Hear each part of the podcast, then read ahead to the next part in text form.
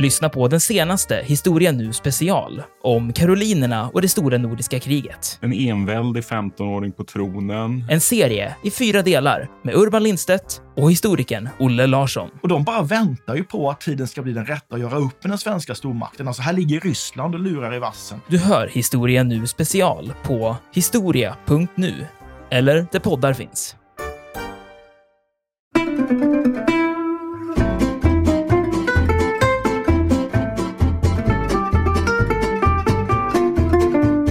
Tanken som du sa, det här var inga strategiska kärnvapen, det här är taktiska kärnvapen, de är mindre. De är inte avsedda att, att egentligen bekämpa stora befolkningscentra, utan de här är militära vapen där det handlar om att egentligen slå ut militärt betydelsefulla mål. Och då i det här fallet då i Sveriges närområde. Och då talar vi ju fientliga utskeppningshamnar och flygbaser på andra sidan Östersjön idén bygger ju på att anfallet kommer att komma från öster. Så det är ju egentligen någon slags offensivt försvar att skjuta bort fienden innan de har kommit ut ur sina hamnar eller ut ur sina baser.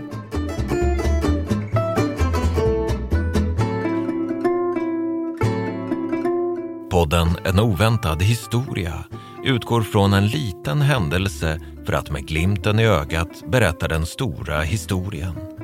Programledare är historikerna Olle Larsson och Andreas Marklund.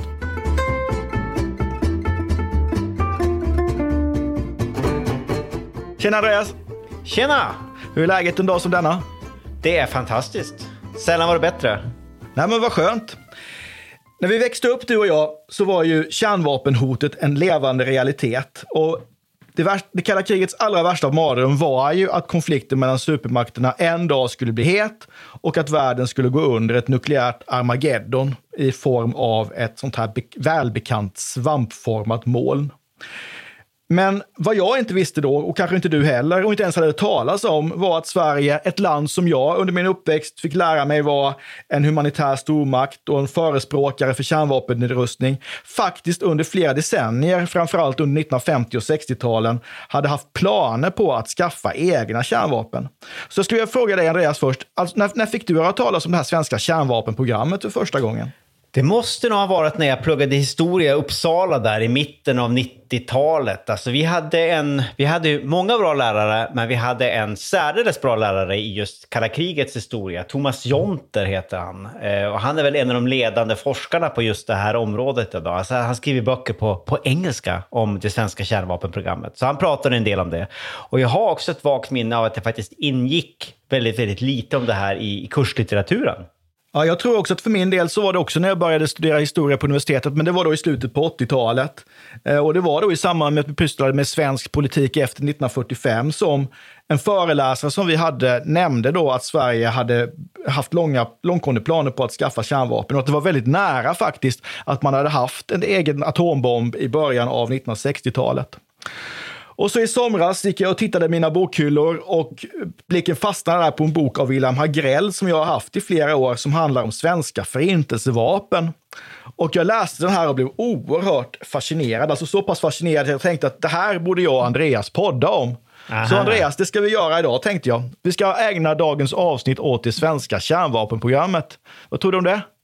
Eh, ja, alltså något muntert ämne är det ju inte, men äh, jädrigt spännande, Olle. Fascinerande spännande. och tror jag förhållandevis okänt för en större allmänhet.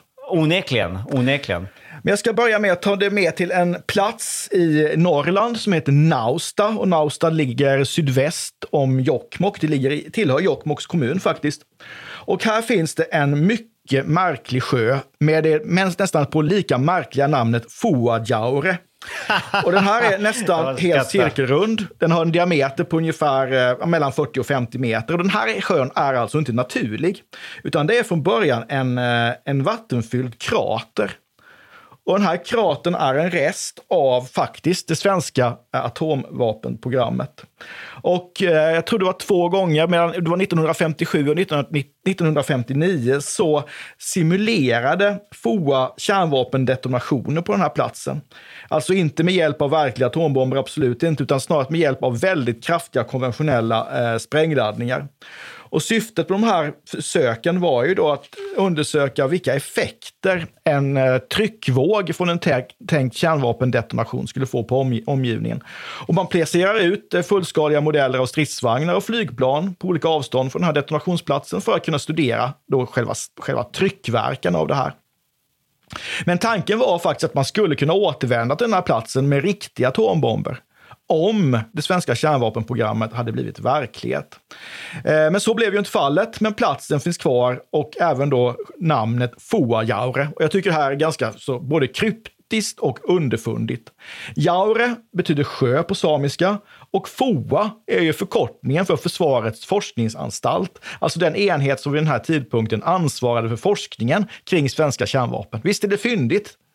Otroligt fyndigt. Jag beklagar att jag sa att det här inte var något muntert ämne, men det där är ju hur kul som helst. Det där är, alltså, tycker, tycker jag i alla fall är lite ja. pittoreskt. Så Foajaure är ju helt enkelt Foasjön, sjön som de ansvariga för kärnvapenprogrammet skapade. Men finns det också ett MSB-Jaure, frågar man sig, eller ett CSN-Jock? Ja. Eh, möjligheterna är ju oändliga. Det kan ju öppnas upp för ett annat poddavsnitt i så fall. Den som lever får se. Ja. Hur som helst, när de första atombomberna släpps över de japanska städerna Hiroshima och Nagasaki i augusti 1945 så inleds ju en ny epok i militärhistorien. Och där och då var USA det enda land som hade tillgång till det här nya vapnet. Men nu tar intresset för atombomber fart i flera länder och däribland i Sverige. Och det som är intressant i, den här, i det här sammanhanget är att just då betraktades inte atombomben, alltså trots sin enorma förstörelsekapacitet, som någonting absolut väsensskilt från de här existerande konventionella bomberna det dröjer några år innan de rent etiska problemen med den här typen av vapen kommer upp till debatt. Alltså man har ju fortfarande tydliga minnen av eh, bombningarna av Tokyo, av Hamburg, av Dresden, där mängder av människor miste livet på grund av konventionella bomber.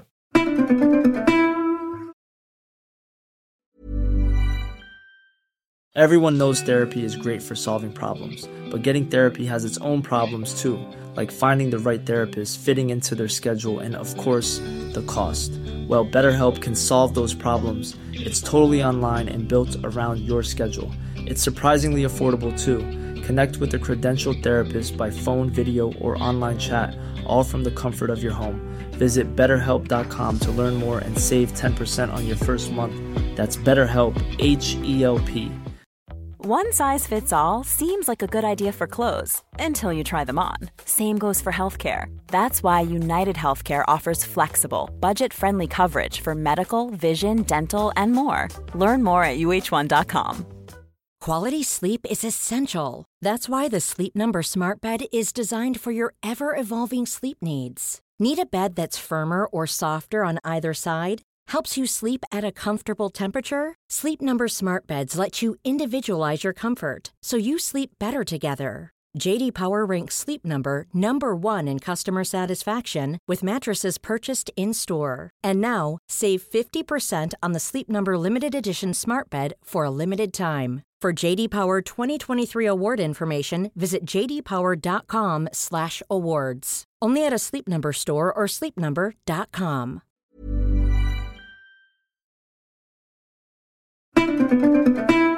Så Andreas, låt oss börja med att du kortfattat hjälper mig att måla upp bakgrunden till det svenska kärnvapenprogrammet. Hur såg det ut? Hur resonerade man här direkt efter andra världskriget? Ja, men, alltså, tack, jag ska göra mitt allra bästa. Men alltså, jo, till att börja med så kan vi slå fast att eh, alltså redan innan de första atombomberna släpptes så hade man ganska avancerad försvarsforskning i Sverige. Alltså, FOA bildades 1945, Försvarets forskningsanstalt. Eh, men det var egentligen en sammanslagning av flera redan då existerande forskningsinstitut som hade upprättats då under 30-talet och inte minst då under loppet av andra världskriget. Eh, och det var ju forskning då, den forskning man bedrev där handlade ju om eh, konventionella vapen av olika slag, alltså icke-nukleära vapen. Och om jetmotorer, om raketer, om det man kallar för riktad sprängverkan och radar och avancerad radioutrustning och alla sådana där, såna där grejer.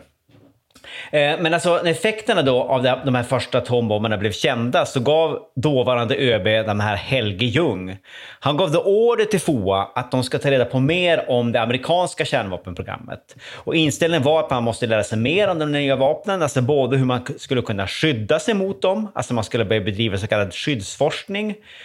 Men man, bör, man skulle också börja titta då på möjligheten att eventuellt skaffa sig egna varianter, alltså egna kärnvapen. Och samtidigt börjar man också intressera sig för hur man då skulle kunna använda sig av kärnenergin då, som då kraft och värmekälla, alltså för då civilt bruk. Så i november 1945, allting går ju väldigt snabbt här, alltså det är ju november efter augusti de här bomberna släpptes, så tillsätter då regeringen den här atomkommittén kallas den, som skulle arbeta med både de militära och civila aspekterna av den nya kärn, kärntekniken, kärnteknologin. Och tanken var väl att de här båda grenarna skulle kunna dra nytta av varandra och dessutom att det skulle ge vissa då, alltså ekonomiska fördelar. Att man skulle betala för samma sak två gånger. Och redan den här atomkommittén tillsätts så har ju FOA redan fått extraanslag eh, för att kunna studera kärnvapen. Och det man tittar på då det är ju olika sätt att plocka, få fram tillräckligt mycket uran. Man tittar på det här med just med vapenverkan. 47 bildas sen då någonting som heter AB Atomenergi. Och de skulle då utveckla försöksreaktorer och undersöka möjligheten att utvinna uran från svenska fyndigheter, för man skulle hålla det här helt och hållet inom landet, både den civila och den militära delen av det. Så 48 så sker egentligen formellt den här uppdelningen mellan FOA och AB Atomenergi och då skriver man då ett samarbetsavtal som garanterar då FOA att de ska få ta del av just eh, den civila forskningen som görs kring kärnteknik. Just därför att det här var mer kostnadseffektivt. Men just det svenska kärnvapenprogrammet brukar man ju säga tar fart på allvar, alltså 1948. Och eh, då fattar FOA beslut att man ska ägna sig både åt så kallad skyddsforskning, alltså hur skyddar man- sig mot den här nya vapentypen, och forska på hur man skulle kunna ta fram egna kärnvapen. Och en drivande kraft här är ju den svenska överbefälhavaren, han som då är, eh, har efterträtt Ljung, han heter Nils Svedlund. Och han förordar då att Sverige ska satsa på svenska, det man kallar för plutoniumvapen.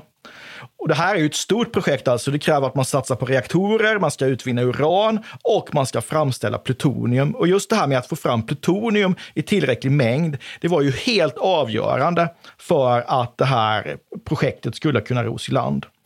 Och det här kräver då att man satsar på tungvattenreaktorer som då kan omvandla uran till plutonium. Så det är ju en jätteapparat det här. Men Andreas, vad händer sen under 50-talet? För att 50-talets början är ju en ganska intensiv fas i kalla krigets historia. Mm. Jo, men alltså det är väl där under 50-talet som det här kärnvapenprogrammet då får vind i seglen på allvar. Alltså. Då kommer supermakternas kärnvapenkapprustning igång på allvar. Alltså det är en väldigt bister fas av det kalla kriget och det är väldigt kallt. Så det är kallt att det nästan känns lite småvarmt. Koreakriget bryter ut. Eh, och Sverige började rusta sig då för att i egenskap av ett eh, ja, alliansfritt land kunna stå på egna ben i händelse av ett eh, tredje världskrig. Och bland annat så utvecklar man ju då det här äh, väldigt, väldigt starka flygvapen som vi får, som anses vara, ja vad var det då, det fjärde största i världen då i alla fall. Och nu antar ju då, det är under 50-talet som en del av den här kontexten, det är då man har den här äh, doktrinen som heter massive retaliation, alltså doktrinen om massiva ved, den, här, den massiva vedergällningen som innebar att alltså, kärnvapen skulle vara ett förstahandsval alltså, av USA eh, mot ett eventuellt angrepp. Alltså, man skulle inte hålla tillbaka alls, utan man skulle liksom gå, slå, slå till med den nukleära storsläggan direkt om eh, Sovjetunionen börjar uppföra sig illa. Och i den här tidpunkten så har ju Sovjet skaffat egna kärnvapen, så nu är ju USAs eh, kärnvapenmonopol över. Men icke desto mindre, doktrinen om den massiva vedergällningen bygger ju på att man ändå är överlägsen vad det gäller på kärnvapenområdet och att man då skulle få så kallade första slagsfördelar genom att sätta in kärnvapen omedelbart i händelse av en, en öppen konflikt. Precis, men grundtanken var väl det, så. Skulle man överhuvudtaget kunna vinna det här så handlade det om att slå alltså till först. Så att eh, direkt. Och det är ju det här då, alltså, mot den här 50-talsbakgrunden som man då ska se den här, här rapporten som ÖB lägger fram då 1954. Där man pratar väldigt mycket om just den militärtekniska utvecklingen. Man talar om nya vapensystem, man talar om robotar, man talar om kärnvapen, man talar om kemiska stridsmedel, man talar om biologiska stridsmedel. Och överbefälhavaren säger då igen, och det är fortfarande Svedlund, att kärnvapen är jätteviktiga och det är viktigt att vi skaffar egna. Vi kommer att behöva det här. Vi är alliansfria och det här gör ju då att till skillnad från länderna i NATO så har inte vi några amerikanska kärnvapengarantier. Vill vi klara oss i ett framtida storkrig så behöver vi också det här moderna, det här nya vapensystemet, kraftfulla vapensystemet. Och här har ju också väldigt starkt stöd från cheferna för de olika vapengrenarna, inte minst då flygvapenchefen Bengt Nordenskjöld. Och nu tar man ju också den första svenska kärnreaktorn i bruk då, mitt i centrala Stockholm. Det tycker jag är rätt intressant. Ja, ja, alltså, ja. En reaktor som heter R1 som finns i, i kan man säga, källaren på KTH i, i, i Stockholm. Det får en att tänka lite grann på den, där, den Nobelska smällen. Ja, men lite grann så. Nej, men vi kan, det, gör, det är inte så. Ja, Var det, 50, det var 54 alltså? 54, ja. Precis. Och det är på KTH där, alltså vid eh, Östra station där. Och, Just så. Ja, herregud. Det är ju så, så, så, hur centralt som helst. Reaktorn R1 heter den. Det låter som någonting från R2D2, nästan Stjärnornas Ja, krig. ja Men, verkligen. Men vad, Andreas, vad säger regeringen om det här? Jo, men alltså de tillsätter naturligtvis en utredning. brukar Regeringen är, det, ja. ja, Så brukar det vara, exakt. Så gör sossar. Eh, Man tillsätter en utredning som föreslår att Sverige ska satsa på kärnenergi baserat på inhemskt uran och på tungvattensreaktorer. Och det ska naturligtvis ske under trygg statlig kontroll. Och det är det man då börjar kalla för den svenska linjen. Men då 55, alltså året efter att man då har startat upp den här första svenska kärnreaktorn mitt i Stockholm, så kommer då frågan om svenska kärnvapen upp på regeringens bord. Och det visar sig ju nu intressant, intressant nu att regeringen faktiskt är ganska splittrad i den här frågan.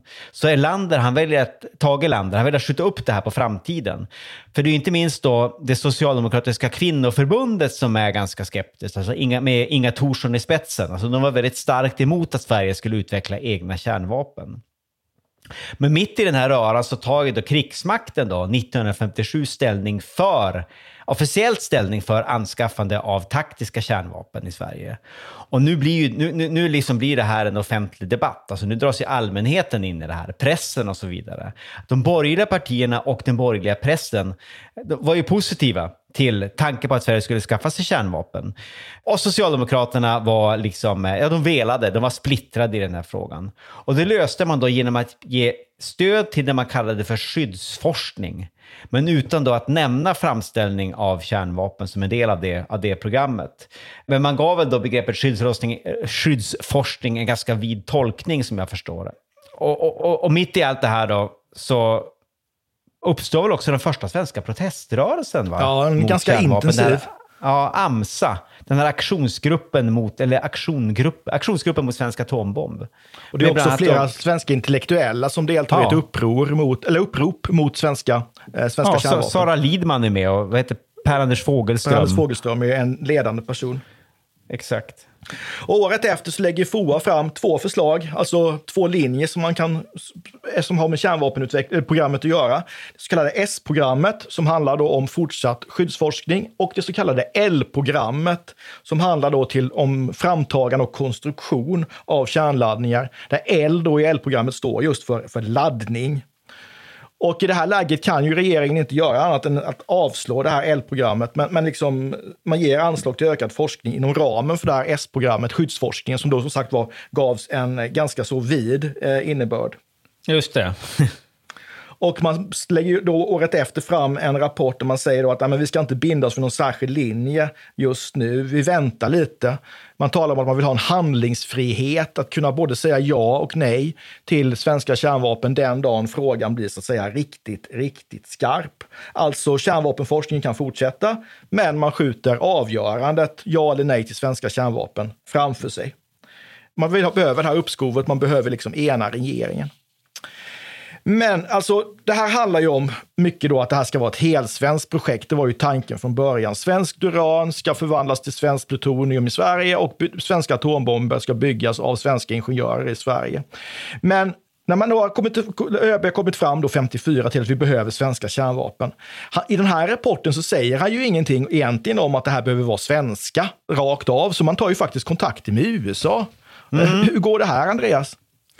Ja, det går inte så det är jättebra faktiskt. Alltså, man, man, man gör, inleder då sonderingar i USA 1954, men det blev väl, som jag har förstått i allt väsentligt resultatlöst. Eh, alltså man visste att det fanns då ett problem rent lagstiftningsmässigt, legislativt. Det visste man i Sverige, att liksom amerikanerna ville ju inte exportera kärnvapenteknologi. Men man hoppades då att det skulle vara möjligt att liksom skapa, hitta någon slags kryphål i allt det här. Alltså, inställningen var väl att, alltså på svensk sida, att, att det, det låg i USAs intresse att ha ett militärt starkt Sverige. Men amerikanerna var ganska, alltså, de, de, var ganska avvisande gentemot de här propåerna.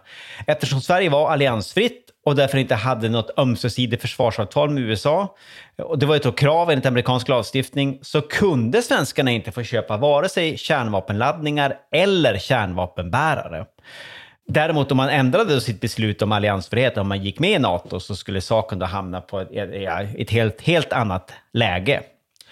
Men i alla fall, 1960 är det va, så då beslutar sig USA för att eh, den amerikanska linjen officiellt ska vara att man överhuvudtaget inte alls skulle stödja då ett svenskt kärnvapenprogram.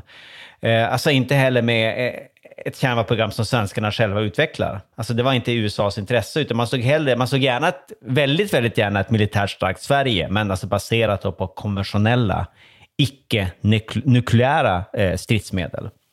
Och det här tycker jag är ganska intressant att det här kommer då, eh, början, den här insikten kommer i början på 60-talet. För här ser man ju att man börjar överge från amerikanskt håll den här doktrinen om massiv vedergällning som ändå då har funnits i princip sedan andra världskrigets slut och som har byggt på det här med första slags fördelar. Att man nu börjar närma sig det som sen kommer att kallas för flexible response, alltså en graderad vedergällning. Vi ska återkomma till det eh, alldeles, alldeles strax. Allt fler bedömare börjar ju nu tveka är kärnvapen lämpliga som ett förstahandsval i en framtida konflikt med tanke på den förstörelsekapacitet som de moderna kärnvapnen på 60-talet faktiskt börjar få. Men hur som helst, i Sverige har man håller man fortfarande kvar vid den här tanken. Eh, givet då att Sverige hade skaffat kärnvapen, Andreas, hur var, vad var tanken att man skulle använda dem till? Alltså, de skulle naturligtvis användas i försvaret av Sverige, men, men hur? Ja, men alltså det skulle vara en del av eh, invasionsförsvaret. va? Men alltså det var ju inte småpotatis det man tänkte sig. Alltså det var ju en kärnvapenarsenal på omkring 100 taktiska kärnvapen. Alltså inte då strategiska, det skulle inte vara sådana grejer med så lång räckvidd, utan bomber som skulle då transporteras till konkreta militära mål i Sveriges närhet med hjälp av olika attackflyg. Alltså det första tanken var väl att det skulle vara det här Lansen A32. Men hade kärnvapen då utvecklats, om det hade blivit i verklighet, skulle även då Viggen, det här klassiska svenska Viggenplanet, ha varit en kärnvapenbärare. Och sprängkraften hos varje bomb skulle väl motsvara ungefär 20 kiloton trotyl. Och man diskuterade också då möjligheten att utveckla robotar och torpeder som då skulle kunna utrustas med kärnladdningar, men det, det skrinlade man. Men alltså då kärnvapen som skulle kunna bäras av till exempel eh, ubåtar. Alltså. Precis. Tanken var ju att de skulle bli en del av det svenska eh, invasionsförsvaret, precis som eh, attackflyget som kallas då för ÖBs ja, klubba. Just det. Och, eh, tanken som du sa, det här var inga strategiska kärnvapen, det här är taktiska kärnvapen, de är mindre. De är inte avsedda att, att egentligen bekämpa stora befolkningscentra, utan de här är militära vapen där det handlar om att egentligen slå ut militärt betydelsefulla mål. Och då i det här fallet då i Sveriges närområde. Och då talar vi ju fientliga utskeppningshamnar och flygbaser på andra sidan Östersjön idén bygger ju på att anfallet kommer att komma från öster. Så det är ju egentligen någon slags offensivt försvar att skjuta bort fienden innan de har kommit ut ur sina hamnar eller ut ur sina baser. Men det här var ju ändå ett problem därför att flera av de här hamnarna och flygbaserna låg ju nära, nära stora städer, till exempel då Gdansk.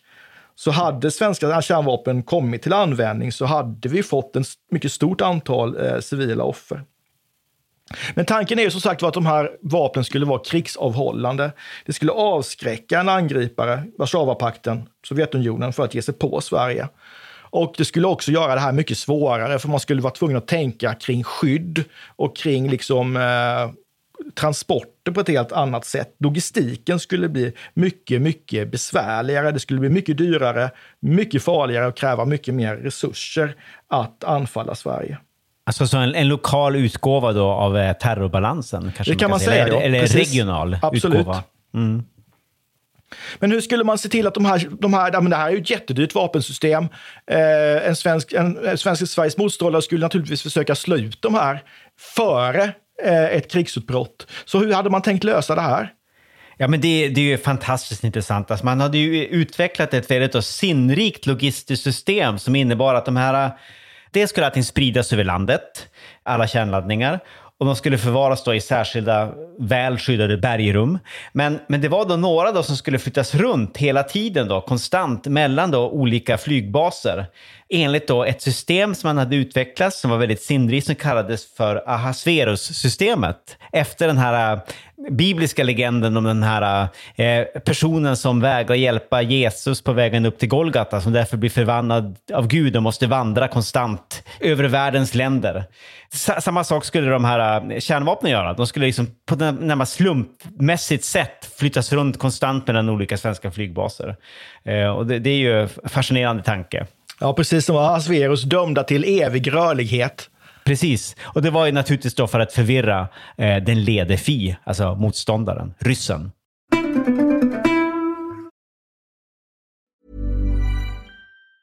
Mom deserves the best, and there's no better place to shop for Mother's Day than Whole Foods Market. They're your destination for unbeatable savings, from premium gifts to show-stopping flowers and irresistible desserts. Start by saving 33% with Prime on all body care and candles. Then get a 15-stem bunch of tulips for just $9.99 each with Prime. Round out Mom's menu with festive rosé, irresistible berry chantilly cake, and more special treats. Come celebrate Mother's Day at Whole Foods Market. A lot can happen in the next three years. Like a chatbot may be your new best friend. But what won't change? Needing health insurance. United Healthcare Tri Term Medical Plans are available for these changing times. Underwritten by Golden Rule Insurance Company, they offer budget friendly, flexible coverage for people who are in between jobs or missed open enrollment. The plans last nearly three years in some states, with access to a nationwide network of doctors and hospitals. So, for whatever tomorrow brings, United Healthcare Tri Term Medical Plans may be for you. Learn more at uh1.com. Quality sleep is essential. That's why the Sleep Number Smart Bed is designed for your ever evolving sleep needs. Need a bed that's firmer or softer on either side? Helps you sleep at a comfortable temperature? Sleep Number Smart Beds let you individualize your comfort so you sleep better together. JD Power ranks Sleep Number number 1 in customer satisfaction with mattresses purchased in-store. And now, save 50% on the Sleep Number limited edition Smart Bed for a limited time. For JD Power 2023 award information, visit jdpower.com/awards. Only at a Sleep Number store or sleepnumber.com.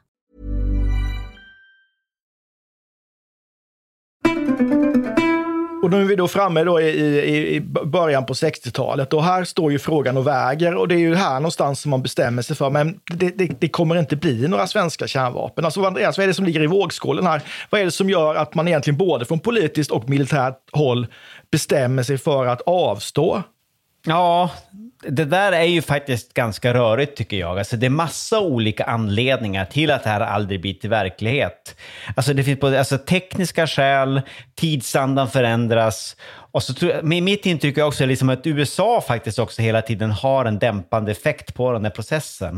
Eh, Men alltså det uppstår bland annat spänningar mellan de militära och de civila kärnforskningsprogrammen. Alltså de är inte helt kompatibla. Alltså de här civila reaktorerna som man då behöver då för det civila bruket. Eh, alltså kärnkraften, alltså kärnkraft använd till, som, som energikälla, funkade inte så bra för just plutoniumframställning. Det är det man ska ha i de här, den här militära utgåvan. Och för att kunna få konstruera reaktorerna så snabbt som möjligt så behövde man skaffa material utifrån. Bland annat från USA, alltså till plutoniumframställningen. Men USA var ju ganska kallsinnigt på det området. Va? Eh, det sluts ett samarbetsavtal i, med USA i slutet av 50-talet, va? Ja, 1959, va? som ger Sverige möjlighet att bland annat köpa uran och tungt vatten till bra priser. Men då måste ju svenskarna då lova de för, man förbinder sig i Sverige att inte använda det här till militära ändamål. Alltså det skulle enbart användas för civilt bruk, för liksom kärnkraften. Så då la man ner den här tanken då på en svensk uranproduktion och så framställning av tungt vatten. Det skulle inte vara möjligt att framställa en atombomb med svenska råvaror, insåg man. Så det civila kärnkraftsprogrammet då gick sin egen väg. Det lämnade liksom den här militära delen lite fritt svävande. Och just det där med hur 17 får man då fram plutoniumet? Alltså plutonium är ju, jag är inte så tekniskt bevandrad i allt det här, men plutonium är väl liksom, det det ska ju utvinnas ur uran. Just Jo. precis. Och det är väldigt komplicerat Ja. och förbaskat jädra dyrt. Och det som hade hänt här då, det var ju då att den här kopplingen mellan den civila kärnkraften och den militära, det militära intresset för kärnenergi, det, det bryts ju här och skulle försvaret fortsätta och försöka utveckla egna kärnvapen under FOAs ledning så hade det krävts att man hade byggt egna kärnreaktorer för en egen upparbetning av plutonium. Eh, plus att man skulle säkra tillgången till uran, vilket vi naturligtvis har i Sverige, men det hade blivit oerhört dyrt. Så att finansieringen saknas egentligen här. Ja, precis. Och så går de programmen skilda vägar. Men det finns ju också då en, en rent militär aspekt av detta. Alltså, Sverige får en ny ÖB 61. Eh, och nu börjar man då bli bekymrad över det som har hänt. Alltså det börjar dra ut på tiden. Eh, kommer finansieringen att hålla? Har vi möjlighet att utveckla de här kärnvapnen givet de här nya förutsättningarna? Och det är också nu som framförallt det höjs röster inom försvaret som börjar tala om just kostnadsaspekten här. Vad får det för konsekvenser för de olika försvarsgrenarna? Till exempel då för flygvapnet som är ganska så kostnadskrävande. Vad händer om vi skaffar kärnvapen? Kommer vi ha råd då att skaffa nya flygplan till exempel? Andra nya viktiga vapensystem? Ja, man kanske skulle ta och utreda det här med vilka konventionella vapen man kan få för samma kostnad som, som, som kärnvapen. Och det här ligger ju också då i tiden. Eh, nu kommer vi tillbaka till det här att USA har gått över från den massiva vedergällningsdoktrinen till eh, doktrinen om eh, graderad vedergällning, flexible response. Den utesluter ju inte på något sätt användningen av kärnvapen, men den talar ju om att kärnvapen inte behöver vara ett förstahandsval, utan talar om en eskalering och att det, det öppnar upp för en större insats med konventionella vapen i början av ett krig. Och det är ju nu också som USA absolut har sagt att vi, vi stödjer inte svenska kärnvapen överhuvudtaget, inte ens om ni gör dem själva. Så att det är mycket då som, som, som ligger i vågskålen här. Så vad säger ÖB här nu i mitten på 60-talet? Ja, Men det kommer väl ändå en rapport där, 65, där man säger det väldigt tydligt då från militärens sida att man, man är inte längre lika angelägen om att utveckla svenska kärnvapen, utan Okay. det fanns en liten svaghet där. Man förordade svenska kärnvapen i generella termer. Men det ingick inte längre i försvarets planering, den konkreta planeringen för framtiden eftersom inga beslut ännu hade fattats. Och man varnade väl också då för att svenska kärnvapen skulle kunna komma att förbjudas på grund av de här äh, nedrustningssamtalen då som pågick. Vi måste komma ihåg, jag nämnde det där i början, det här tidsandan förändras ju där under 60-talet. Alltså vi kom ju in i den här avspänningsperioden, detant, efter äh, Kubakrisen där i oktober 1962. Och man bör också se ljusare på möjligheten att försvara Sverige med, med konventionella vapen eh, i största allmänhet. Som sagt, det är, det, det är någonting som man talar om mer och mer i militära kretsar. Det, här flexibla gensvaret handlar ju om att man ska betona och försöka använda konventionella vapen i så hög grad som möjligt. Man börjar prata om den här marginaldoktrinen också, va? Som, som innebär att man, man mer eller mindre uteslöt att, att det skulle komma då ett isolerat angrepp mot bara Sverige. Istället tänkte man sig att Sverige skulle kunna angripas i samband med en större konflikt, men då endast med en mindre del av, av Sovjetunionens styrkor. Och då, hade, då, såg jag, eh, då såg ju eh, situationen helt annorlunda ut än om man skulle ha försvarat sig mot stora, enorma styrkor från Warszawapakten och Sovjetunionen. Då hade det svenska försvaret inte räckt till. Men om man nu tänker på en marginaldoktrin, att man bara angrips av en mindre del av fiendens, motståndarens styrkor. Vi får ändå komma ihåg att den svenska armén, eller försvarsmakten under eh, 1980-talet till exempel, eller 60 och 70-talet var väldigt stor. Man kunde mobilisera 800 000 man. Och man hade ju byggt upp en militär infrastruktur som eh, täckte hela landet. Och även en, en civil infrastruktur som skulle fungera i händelse av, tig, av, av krig. Så att då vill jag påstå att vår beredskap faktiskt var ganska god. Till skillnad från vad, vad, den varit tidigare då under andra världskriget. Men som du säger, de här nedrustningsförhandlingarna pågår. Det här är mitt under the detant. Eh, man skriver under ett provstoppsavtal 63. Man ska inte testa nya kärnvapen, i alla fall inte ovan mark, under vatten och inte heller atmosfären. Däremot så tillåter man ju fortfarande underjordiska kärnvapenprov. Svenska regeringen skriver på det här och man gör ju det för man tänker att ja, men skulle det bli aktuellt så kan vi ändå testa våra nya kärnvapen under, under jord. Så det, här är, det här är fortfarande inte döden för kärnvapenprogrammet 63 när man skriver under. Men, Andreas, men vad händer sen då i slutet på 60-talet? Men sen börjar man då inleda de här förhandlingarna om det här icke-spridningsavtalet. Och det är det som egentligen blir dödsstöten kan man väl säga för, för det svenska kärnvapenprogrammet. 1966 så förklarade då statssekreteraren i försvarsdepartementet, en viss Karl Fritjofsson, i ett tal då att det inte längre låg i Sveriges intresse att skaffa sig kärnvapen. Och bakom det låg då det faktum att det inte längre fanns ekonomiskt utrymme för kärnvapen i försvarsbudgeten. Och det här med, man, man antog då som de flesta andra just då, att ett, ett framtida krig skulle bli i första hand då konventionellt till sin karaktär. Ingen skulle våga använda kärnvapen eftersom ett kärnvapenkrig med största sannolikhet skulle betyda slutet för mänskligheten. Alltså där har ju skett en total, eh, en, enorm förändring i själva mentaliteten omkring det här, alltså mellan då 50-talet och, och 60-talet. Och det gjorde då att Sverige då den 19 augusti 1968 skriver under icke-spridningsavtalet. Och i och med det, det är ju coup de grace, det är dödsstöten. I och med det så började det här svenska kärnvapenprogrammet att avvecklas. Och man, börjar in, alltså man fortsätter då med kärnvapenforskning i och för sig ett tag, men alltså inriktat mot skyddsforskning, alltså hur man skyddar sig mot eh, eh kärnvapen på olika sätt. Men 1972 så räknar man väl med att det svenska kärnvapenprogrammet var helt avslutat. Och så här nu i efterhand, så om man tittar på vad många olika experter säger, så säger de ungefär så här att hade den svenska regeringen eh, okej att eh, försvarets önskemål om kärnvapen, låt säga under 50-talet, så hade Sverige haft kapaciteten eh, och förmågan att kunna utveckla kärnvapen. Och vi hade förmodligen då kunnat presentera en egen svensk atombomb 1962-1963. Mm. Mm. Men så blev inte fallet. Nej. Och Sverige skaffar aldrig kärnvapen. Men Andreas, ett, en avslutande kontrafaktisk fråga, alltså, eh, eller spekulation i varje fall. Vad tror du, hur hade Sveriges internationella anseende påverkats under kalla kriget om vi hade skaffat kärnvapen, låt säga då i början, mitten av 60-talet? Hade vi fortfarande varit den här humanitära stormakten som vi växte upp med? Eh, det är möjligt att, vad ska man säga, den positionen hade underminerats en smula. Eh, ja, Ja, det är en jättesvår fråga, Olle. Den är faktiskt närmast omöjlig att besvara. Och sen tycker jag att mycket av det här som vi pratar om nu har ju kommit i ett nytt ljus, som vi säger ibland, på grund av det nya hotet då från Putins Ryssland. Alltså man kan ju tycka så här i efterhand att man kanske borde ha valt den och den vägen under kalla kriget. Det hade kanske varit bättre för Sverige om vi hade gått med i NATO redan från första början. Det kanske hade varit bättre för Sverige om vi faktiskt hade skaffat kärnvapen på 60-talet. Vem vet?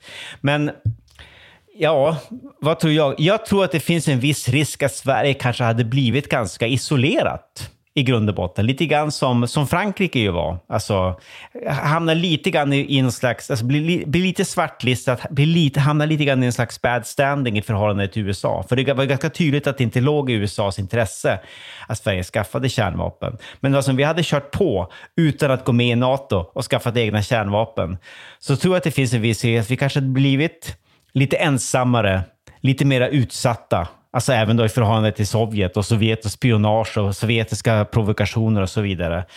Men då ensamma och utsatta med rustade till tänderna. Kanske lite grann som ett slags, eh, jag vet inte, nordeuropeiskt Israel. Och jag tänker också, givet att vi hade skaffat kärnvapen och vi hade tänkt oss då att de skulle användas mot baser och utskeppningshamnar på andra sidan Östersjön, som då ligger nära stora befolkningscentra. Vilken svensk politiker hade velat fatta det beslutet? Att nu ska vi sätta in kärnvapen precis i utkanten av Gdansk eller i utkanten av eh, Sassnitz eller utanför Riga eller Tallinn. Alltså det är ju det är inte ett alldeles lätt beslut att fatta med tanke på vilka enorma konsekvenser det får. Exakt, och jag tror hade vi utvecklat kärnvapen där så tror jag liksom att Olof Palme hade också utvecklats till en helt annan typ av politiker.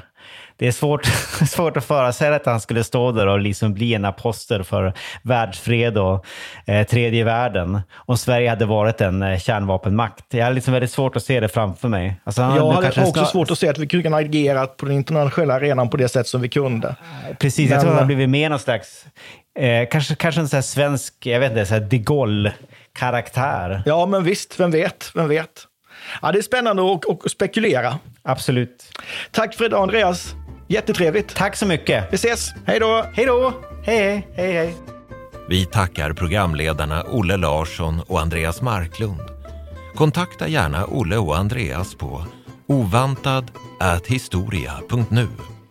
Vi läser allt, men hinner kanske inte alltid svara.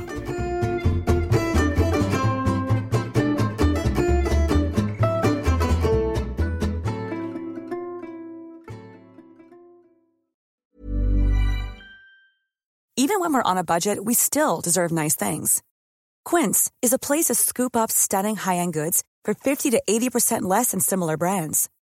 They have buttery soft cashmere sweaters starting at $50, luxurious Italian leather bags, and so much more. Plus, Quince only works with factories that use safe, ethical, and responsible manufacturing. Get the high-end goods you'll love without the high price tag with Quince. Go to quince.com/style for free shipping and 365-day returns. Planning for your next trip?